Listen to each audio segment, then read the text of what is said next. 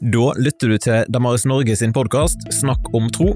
I denne episoden deler vi seminar fra IMF sin lederkonferanse i 2023. Der hadde Damaris ansvar for nettverket for trosforsvar. Det skal vi òg ha i 2024. Den 1. til 3. november er det lederkonferanse i Straume forum på Sotra, så der er det mulig å bli med om du ønsker å delta i et sånt trosforsvarsnettverk. Her kommer dagens episode.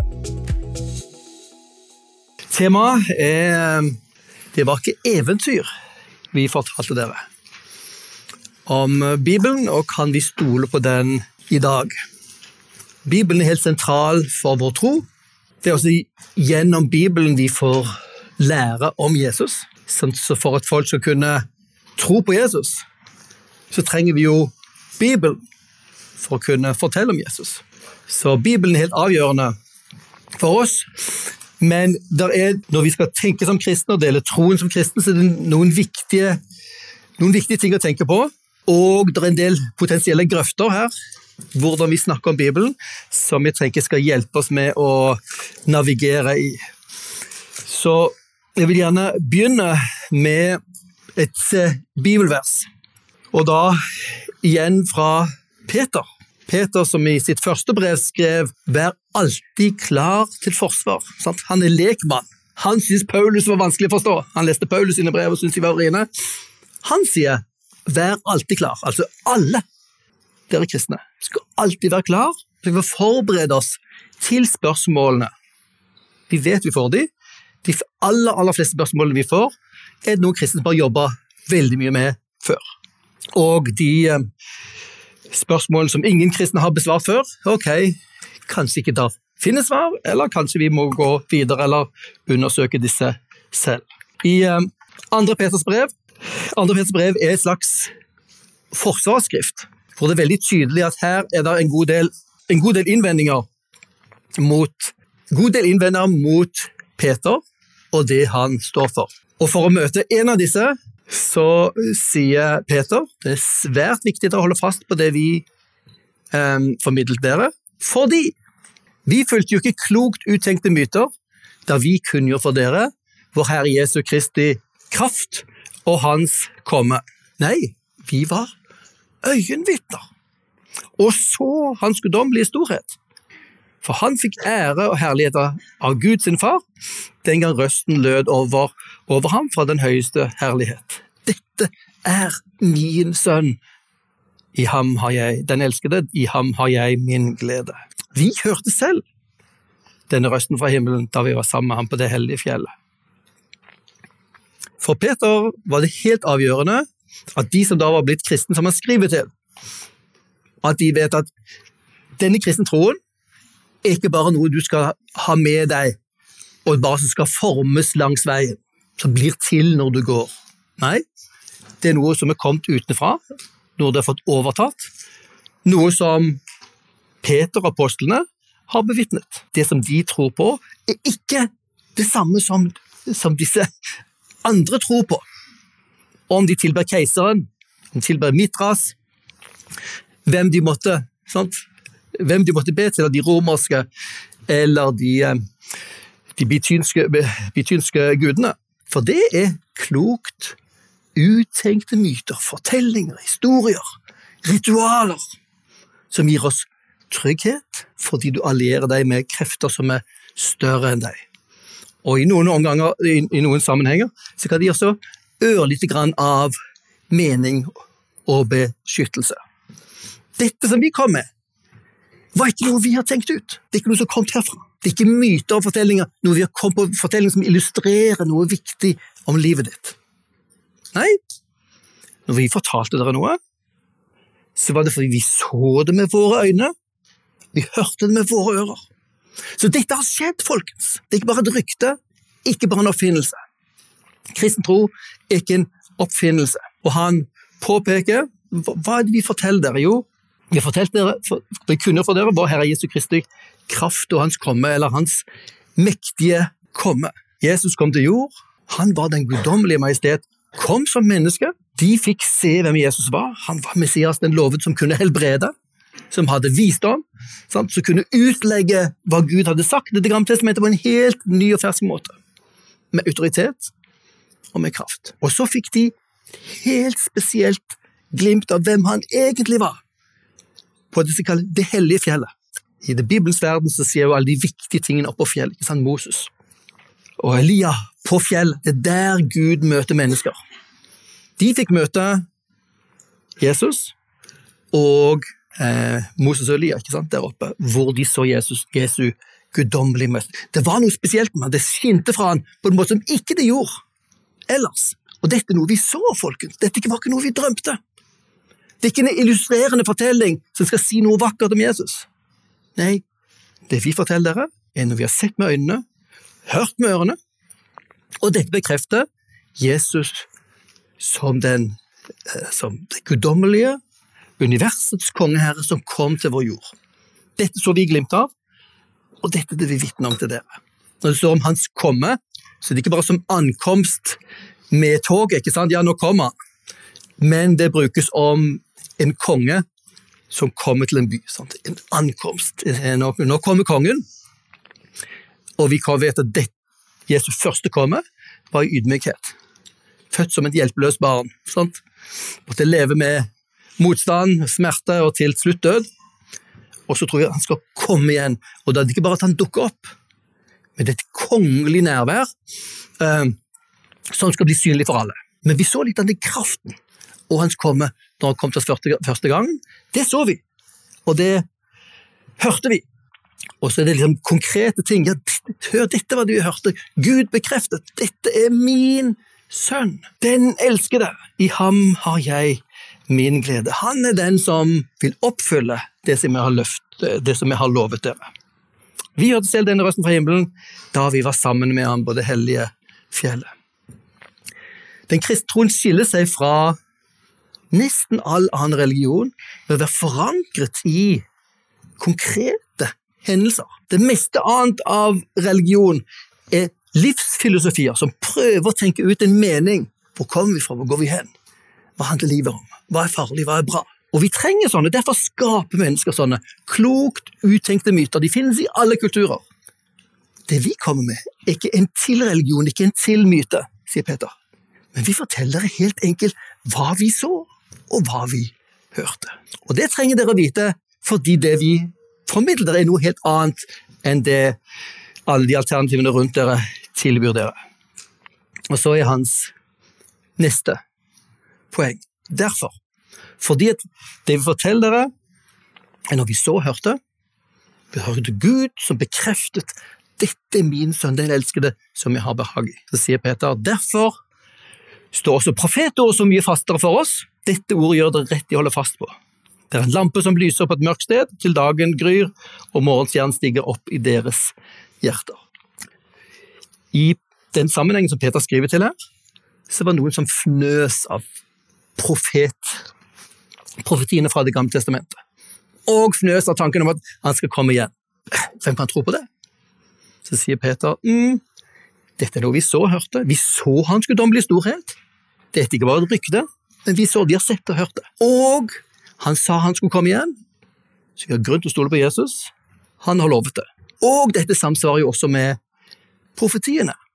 Det gamle testamentet. En gang skal Gud komme tilbake til sin verden og gjenopprette alle ting. Hvor løven og lammet skal beite sammen, ikke sant?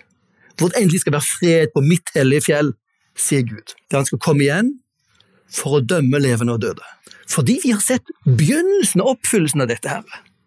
Gjennom Jesu undre og gjennom dette som skjedde på Forklarelsen berg. Dette er en kjempebekreftelse. Ja, Gud holder løftene sine. Og så er det fortsatt noen profetier som gjenstår. Men fordi vi har sett begynnelsen av det, så har vi så sterk grunn til, enda sterkere grunn, til å holde fast på profetordet. Så det, Bibelen er flere ting. Bibelen er for det første beretningen om hendelser som faktisk har skjedd med øyenvitner. Men det er også profetord. Det er også drømmer. Tenk på Daniels bok, de drømmene han hadde, som Gud har gitt, og som har en helt annen karakter, men som vi har sett begynnelsen på oppfyllelsen til, og som vi dermed har grunn til å tenke de vil bli fullendt i framtiden. Når vi skal tro på Bibelen, sant, så trenger vi å holde flere ting i hodet på en gang. Det kan være utfordrende. Det er både at det er forankret i virkelige hendelser, men det er også det at det er en, en fortelling som går over flere tusen år, og som har masse fortellinger og løfter som peker oss framover mot en framtid vi ennå ikke har sett.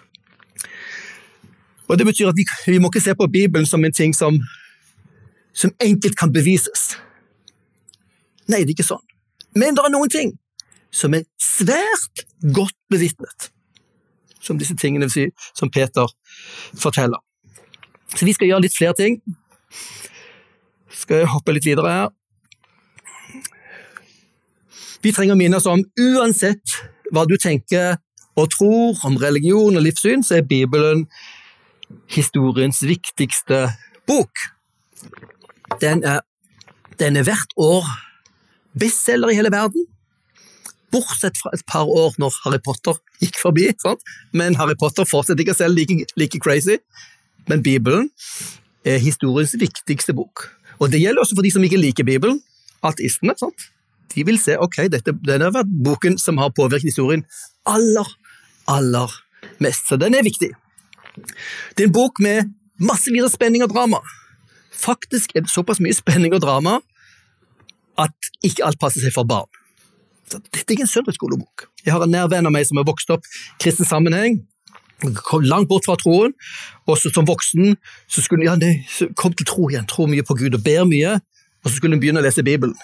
tenker jeg, Det var veldig bra, men så kom hun ganske fortvilet og sa det er jo helt forferdelig, dette her! Jeg kom bare til 15-20 kapitler. Det er jo så mye drap, utroskap, løgn. Jeg vet ikke om jeg orker det. Sånt.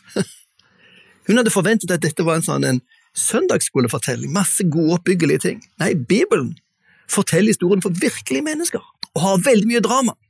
Og fordi den forteller om virkelige mennesker og den virkelige verden, så har den med seg all den kompleksiteten, inklusiv ondskapen. Disse trosfedrene våre var ikke noen moralske forbilder. Så hvis du går inn og, uh, og leter etter det, så vil du bli skuffet et spørsmål. Ja. Kan du forklare ordet kompleksitet? Kompleksiteten sjøl? Ja. Kompleks betyr at det er, det er, mange elementer inne. Bibelen har veldig mange ulike elementer. Når vi, når vi møter Bibelen, så er det ikke bare én type skrift. Sant? Som en sånn søndagsskoleting, eller en dogmatikkbok. Men det er en, en bok med mange typer sjangere, mange typer former, mange ulike typer fortellinger, faktisk fra ulike kontinenter, ulike land og ulike språk. Så det er en ganske kompleks bok som har mange elementer. Sant? Eh, som gjør, betyr at vi må ikke gjøre det enklere enn det, for denne boken har preg av den virkelige verden. Som av og til er vanskelig å forstå. Kompleks betyr at det er vanskelig å forstå. Det er flere elementer her. Tenk konflikten i, i Israel nå og Ukraina. Det av og til er det lett å se skurker og helter. Sant? Samtidig ligger det historier bak her som gjør det ganske krevende. Sant? At det ikke bare er helt svart.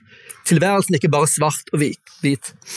Og Bibelen har et stor variasjon og et stort mangfold. Så når vi snakker om Bibelens troverdighet, så vi er klar over ok, vi snakker ikke om en bok, egentlig. Vi snakker om et bibliotek. 66 bøker, skrevet over i hvert fall 1500 år flere ulike land, flere ulike språk, fra mange ulike kulturer. Hvordan, hvordan skal vi tro på dette? Hvordan skal vi eventuelt forsvare det? Og da tenker jeg, For å tegne opp det større bildet og her, her kan det bli litt teoretisk, men jeg tror dette kan hjelpe oss til å henge oss på hva, hva er det som er viktig når vi skal tenke om hvordan skal vi tro på Bibelen? Hva gir oss tillit til Bibelen? Så vi mennesker er også komplekse. Vi har flere elementer. Så Det er jo ikke slik at med en gang du har gitt et gudsargument til en ateist, så blir han kristen. Gjør ikke det. For det er mange andre grunner til innvendinger mot kristen tro. Og det er ikke alltid slik at vi, vi blir overbevist av argumenter. Vi, vi, er komplekse mennesker med mange ulike lag. Det er mange ting som spiller inn i forhold til våre avgjørelser. Og Derfor kan det være nyttig å tenke på tre viktige elementer når vi snakker om hva som skaper vår tillit til Bibelen.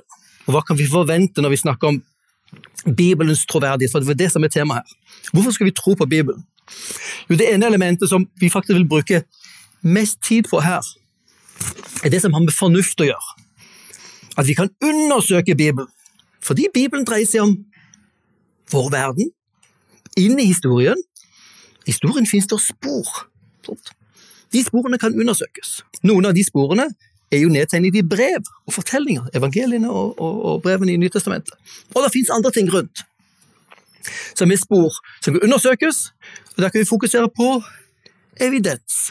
Men vi er ikke så enkle mennesker, vi bare følger akkurat der den fornuften leder oss. Av og til er jo verden så vanskelig at den synes å kunne lede flere veier. Så det er ikke bare ett type svar her. Sånn er det av og til også med Bibelen. Men det andre elementet her Det første elementet går på hodet, hvis vi deler hode, hjerte og hender. Hodet er det rasjonelle, der vi prøver å argumentere, søke etter evidens og fakta. Men vi mennesker vi er også et sted hvor våre holdninger ligger. Hva er våre holdninger? Har vi respekt for de som snakker? Sånn. Kanskje her gir dere kjempemange gode grunner som, som, som underviser dere her nå. Men hvis din holdning til meg er nei, Hvorfor skal jeg høre på han? Så, kanskje ikke du likte frisyren min, eller det er noe galt med denne genseren, eller et eller annet du henger deg opp i. Så holdningen din til meg gjør jo kjempemye i forhold til hva får du med deg, og hvor overbevisende det er. Det er ikke bare sånn til argumentene mine, det er ikke bare innholdet, det er også din holdning til det. Sånn det er også med Bibelen. Når du leser Bibelen, så det er ikke bare fakta du trenger, holdningen vår. Hva er det vi ønsker? Er vi ute er vi ute etter å lære noe?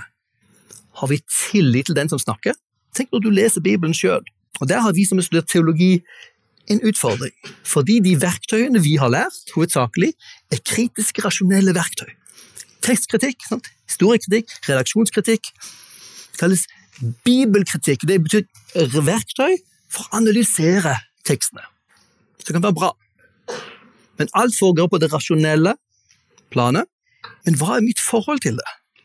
Har jeg tillit til de stemmene som ligger i denne teksten? Og det er jo slik med, med tilværelsen vår. Tenk at du er en forsker, så jeg bare tror på det som kan det, det som kan liksom finne ut av. Jeg tror bare på facts. Mm, gjør du egentlig det? Tenker du er en kjemiker. Du tror bare på facts. Det kan finne ut av. Det kan måle og veie. Ja, men er det du som har funnet ut det periodiske systemet? Har du funnet ut dette med eh, atomets eh, de, de elementærpartiklene som atomet er bygd opp av. Nei, du bare tror på det for de beste teoriene. Du tror på atom, du har aldri sett et atom. Du tror på det periodiske system for å kunne gå inn og eksperimentere. Så har du masse tro på forhånd. Du har tillit til de som har gjort dette før. Det er det god grunn til. Det meste av vår kunnskap er basert på tillit. Og da er det veldig viktig at vi har tillit til de rette menneskene, de rette stemmene. ikke sant? Det er ikke nok med bare kunnskap, informasjonen. Du må ha din, tillit, din, din hjerteholdning til det. Har vi tillit til det? Er jeg ute etter å faktisk søke sannheten? Og Der ser dere i møte med, med Bibelen utfordringen med en gang. Og for, for, i hvert fall en ti år siden så var det ganske populært på en del ateister å lese Bibelen. Og så kom de til kristne og satt kristne fast. Se hva som står i Bibelen. Mye krig og vold, umoral, vi kristne ble sjokkert fordi vi hadde ikke lest de tekstene. De var ikke oppbyggelige for oss, vi hadde hoppet over de tekstene. Men du kan lese Bibelen for å finne problemer, for å finne unnskyldning. Og det er interessant, Gud har lagd verden på en sånn måte at det ikke bare er fakta. Gud har gitt oss nok fakta til å kunne tro på Han. Men han har gitt oss nok skygge, nok tåke, så at vi faktisk kan gjemme oss vekk fra ham. Ser dere? Det avhenger av tilliten til den som snakker. Det meste av vår kunnskap er basert på tillit til de vi har grunn, forhåpentligvis grunn til å stole på. Det siste elementet her er også vår vilje. Hode, hjerte, hender, det vi gjør. Gud inviterer oss inn til å velge seg. Sant? Og Han ikke bare at vi skal gjøre dette i blinde. Han ønsker at vi skal gjøre det med et helt hjerte, og at vi har forstått det. Sant? Forstå og se at jeg er Gud, eller kjenn smak, sant? for at vi skal gjøre et klokt valg. Det er alle de andre religionene du er nødt til å lukke øynene for, for å tro på dem, for å føle noe, eller se for deg noe. Bibelen forteller se, kjenn, smak, undersøk. Og det trenger vi for å gjøre dette valget. Når vi da undersøker Bibelen, så betyr vår vilje også en god del, for det er en god del mennesker som ikke vil og ikke ønsker at Bibelen har rett. Og de vil kunne finne masse problemer i Bibelen, i hvert fall på overflaten.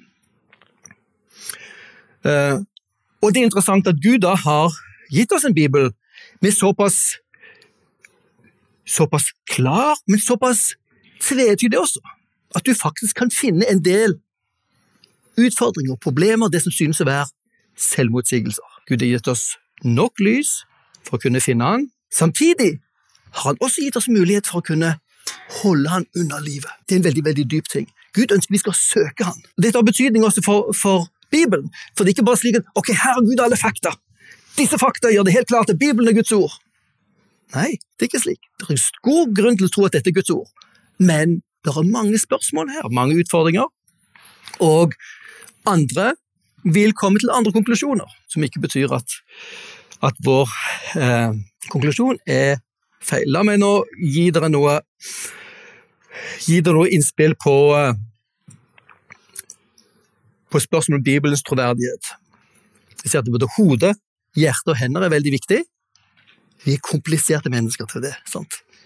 Vi er mennesker med flere dimensjoner som spiller inn. Jeg ønsker ikke å finne dette her. Sant?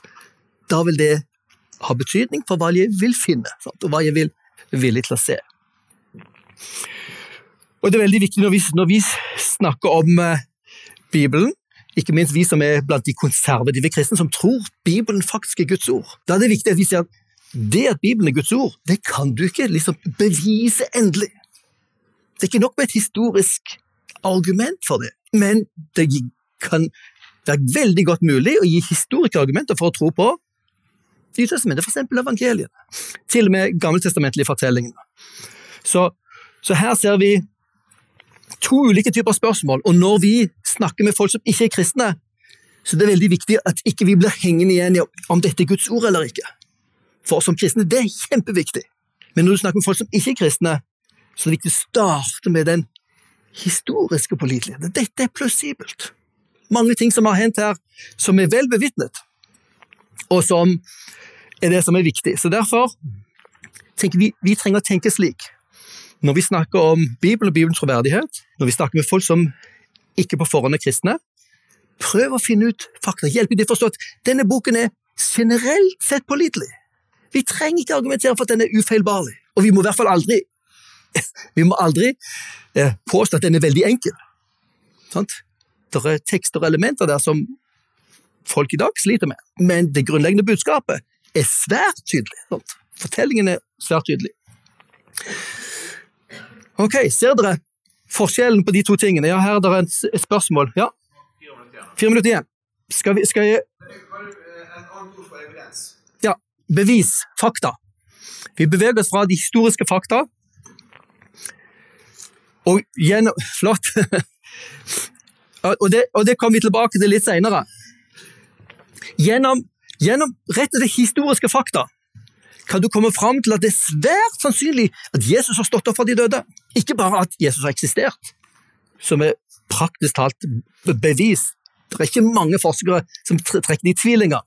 De som trekker det i tvil, er helt ekstreme. Sant? Du kan tvile på at Napoleon har eksistert.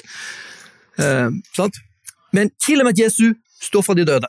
Og hvis Jesus står fra de døde, da er han en spesiell person som er verdt å lytte til. Og hvis Jesus som står fra de døde, sa at disse skriftene her, ikke en tøddel skal forgå, for alt er oppfylt. Så at Jesus' syn på Det gamle testamentet, hvis han sto opp fra de døde, har liv og død i sine hender, da burde vi lytte til han. Hvis han er Guds sønn og guddom, det er han som har oversikten. Hvis han sier at dette er guddommelig, ja, da burde vi lytte. Og da kan vi ende opp med til slutt konklusjonen at ja, dette er mer enn bare en historiebok, mer enn bare viktig informasjon. Dette er faktisk Guds inspirerte ord. Men da har vi det altså gjennom først å gå til Jesus, gjennom historiske opplysninger. Er det noen spørsmål?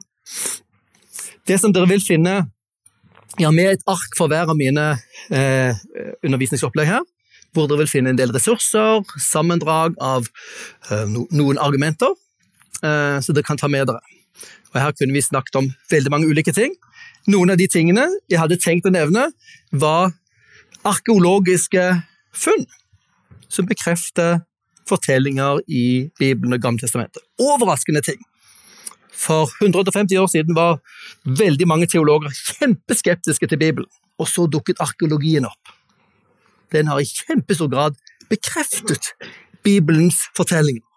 Ikke alt kan bevises, selvfølgelig ikke, men på veldig mange overraskende punkter er Bibelens opplysninger blitt bekreftet. Så vi har god grunn til å tenke Bibelen kan du stole på. Og når vi da tillegger Jesu ord om at Bibelen er noe mye mer, så har vi god grunn å stå på.